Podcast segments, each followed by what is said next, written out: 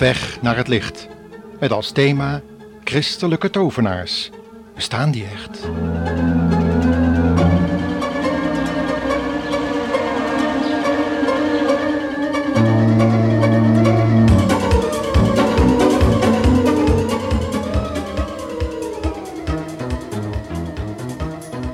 Wonderlijke titel eigenlijk.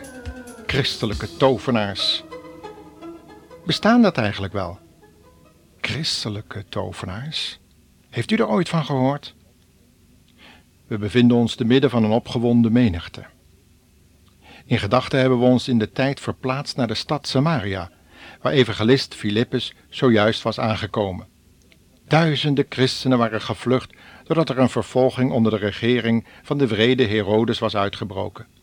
Door intriges, huichelarij en geweld had hij zich een plaats in de regering weten te verwerven en onder zijn regering had de eerste martelaar zijn geloof met de dood moeten bekopen. Ook de apostel Petrus zou nog met hem te maken krijgen. Later zullen we deze vrede vorst echter gefrustreerd zien vertrekken toen hij hoorde hoe Petrus op wonderlijke wijze uit de gevangenis was verdwenen. Nog later zou hij zijn hoogmoed en zelfvergoddelijking moeten bekopen met een gruwelijke en langzame marteldood. U kunt het allemaal lezen in Handelingen 12, vers 23. En ondanks al dit goddelijk ingrijpen bleef de vervolging toch aanhouden door de activiteiten van de fanatieke en invloedrijke fariseer Saulus, en vele christenen waren verplicht naar rustiger orden uit te zien. De schrijver van de Hebreeënbrief herinnerde de gelovigen aan deze periode met de volgende woorden uit Hebreeën 10, vers 32 tot 34.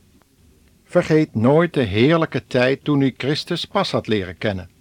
Al had u het zwaar te verduren, u liet de Heeren niet los. Nu eens werd u uitgelachen en geslagen, dan weer waren anderen het slachtoffer en leefde u intens met hen mee. Als er mensen gevangen werden gezet, had u net zoveel verdriet als zij. En als uw bezittingen werden afgenomen, bleef u opgewekt. U wist dat u wat beters had, wat nooit meer kon worden afgenomen.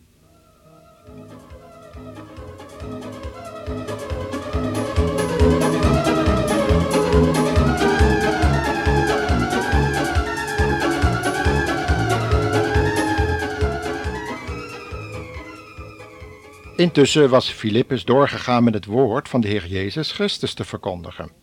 En God werkte zo krachtig mee dat het volk van Samaria zich had afgewend van een zekere Simon, een machtige tovenaar, die met wonderen en tekenen de zintuigen van de op sensatie beluste menigte tot verrukking en extase wist te brengen. Kort geleden ontvingen we een brief van een zendingsechtpaar in Brazilië. Brazilië wordt momenteel overspoeld door een occulte charismatische golf die heel wat slachtoffers heeft gevraagd. Ze schreven het volgende. Bijna voor de deur van ons huis in Belem Novo presenteerde Tala, de hoge priesteres in die omgeving, met vingernagels als ware duivelsklauwen, de volgende de spiritistische kring. Men hoort dat zij met honderd van haar onderdanige mediums goed geld verdient. Het gebouw waar deze seances plaatsvinden noemt zij de Volkskerk van de Vrede. En een groot kruis siert de ingang. Wanneer er een volksfeest is, is zij van de partij met haar volgelingen. En het ging er ook als een volksfeest toe bij de laatste keer, toen alles bont en versierd optrok naar de rivier. De wanden van de kerk waren opgesierd met magische emblemen en met een gouden beker trad de hele processie de kerk uit en plechtig naar het rivierwater.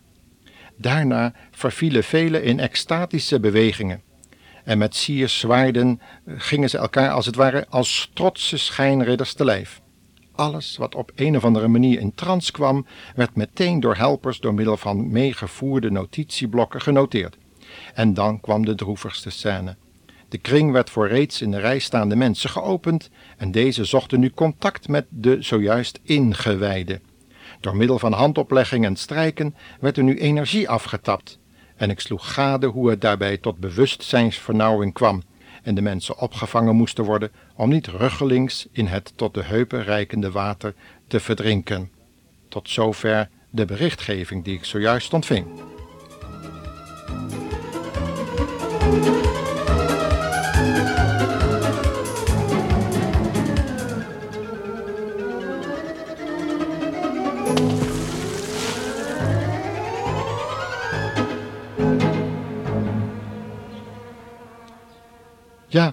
En dan zou je je kunnen afvragen, wat voor soort geloof hebben deze mensen nu eigenlijk gehad? In Hebreeën 11, vers 1 en 2 lezen wij: Wat is geloof? Het is de absolute zekerheid dat onze hoop ook werkelijkheid wordt, en het is het bewijs van dingen die we niet kunnen zien. Vroeger hebben vele mensen vanuit dit geloof geleefd.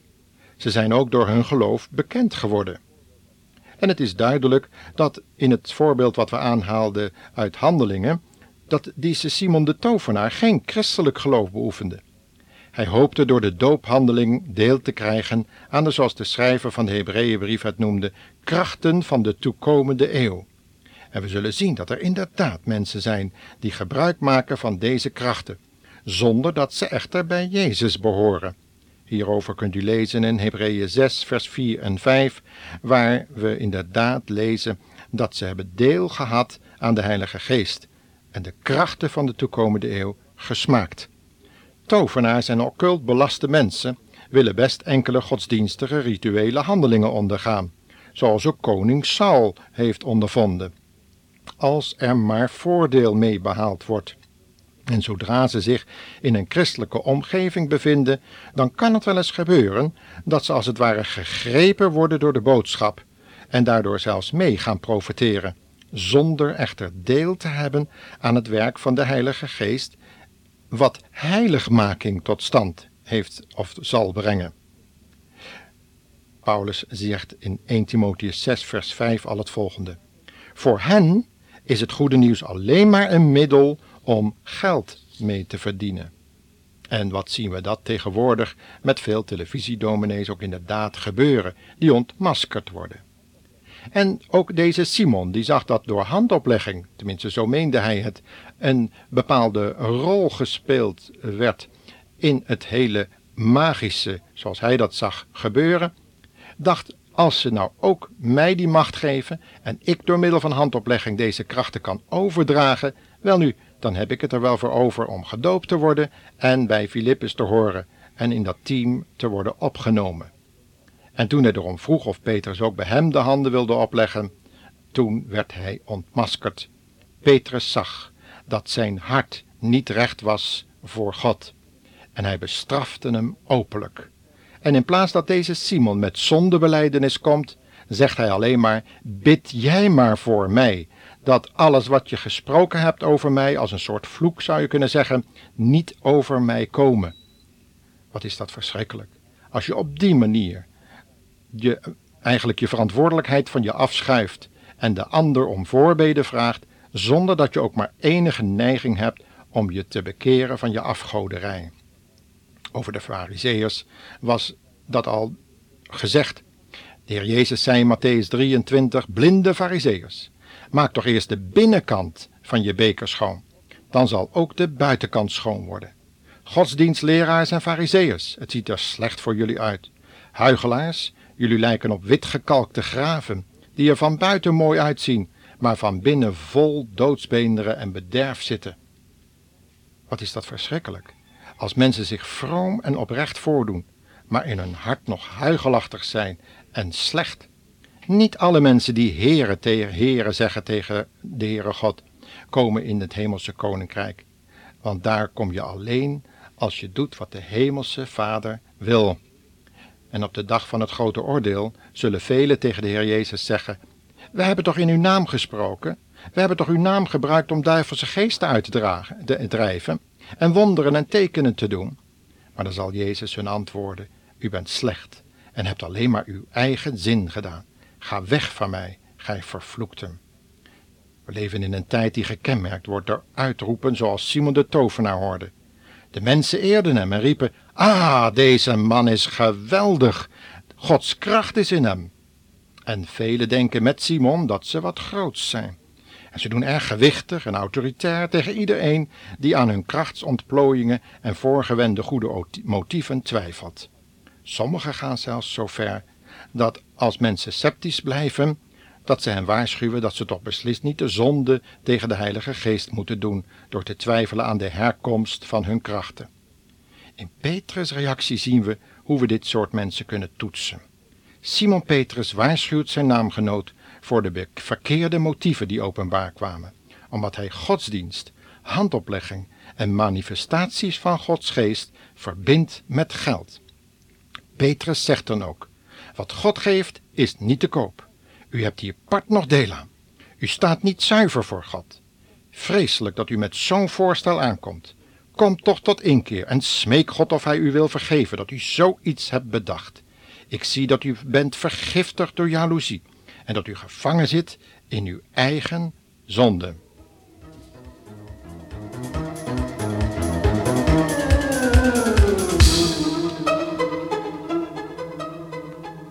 Beste luisteraar, ook wij kunnen oproepen tot bekering en wedergeboorte. En dat is nodig, want onze ogen moeten verlicht worden. Verlichte ogen van ons hart en ons verstand.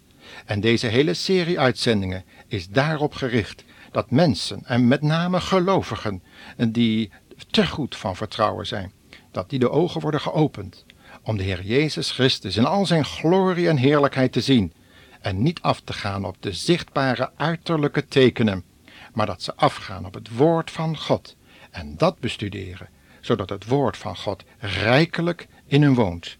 Mogen dat het resultaat zijn van deze serie programma's. Twaalf series hebben we nu gehad. En het ging allemaal om waarschuwingen tegen de uitwassen die er in christelijke gemeentes voor kunnen komen. Laten we daarom deze serie uitzendingen over taal en teken afsluiten met de brief van de apostel Judas. Hij zegt maar vrienden, u moet uw allerheiligst geloof sterker laten worden en u bij uw bidden laten leiden door de Heilige Geest. Blijf bereikbaar voor de liefde van God. Wacht geduldig op het eeuwige leven, wat onze Heer Jezus Christus ons in zijn goedheid zal geven.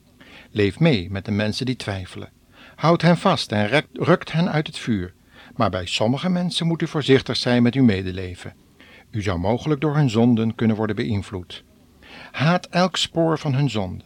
God kan ervoor zorgen dat u niet struikelt. Hij kan u zo ver brengen dat u zonder gebreken en vol blijdschap voor zijn schitterende troon komt te staan. Hij is de enige God.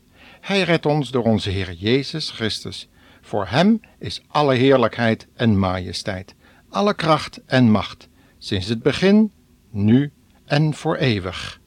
Amen.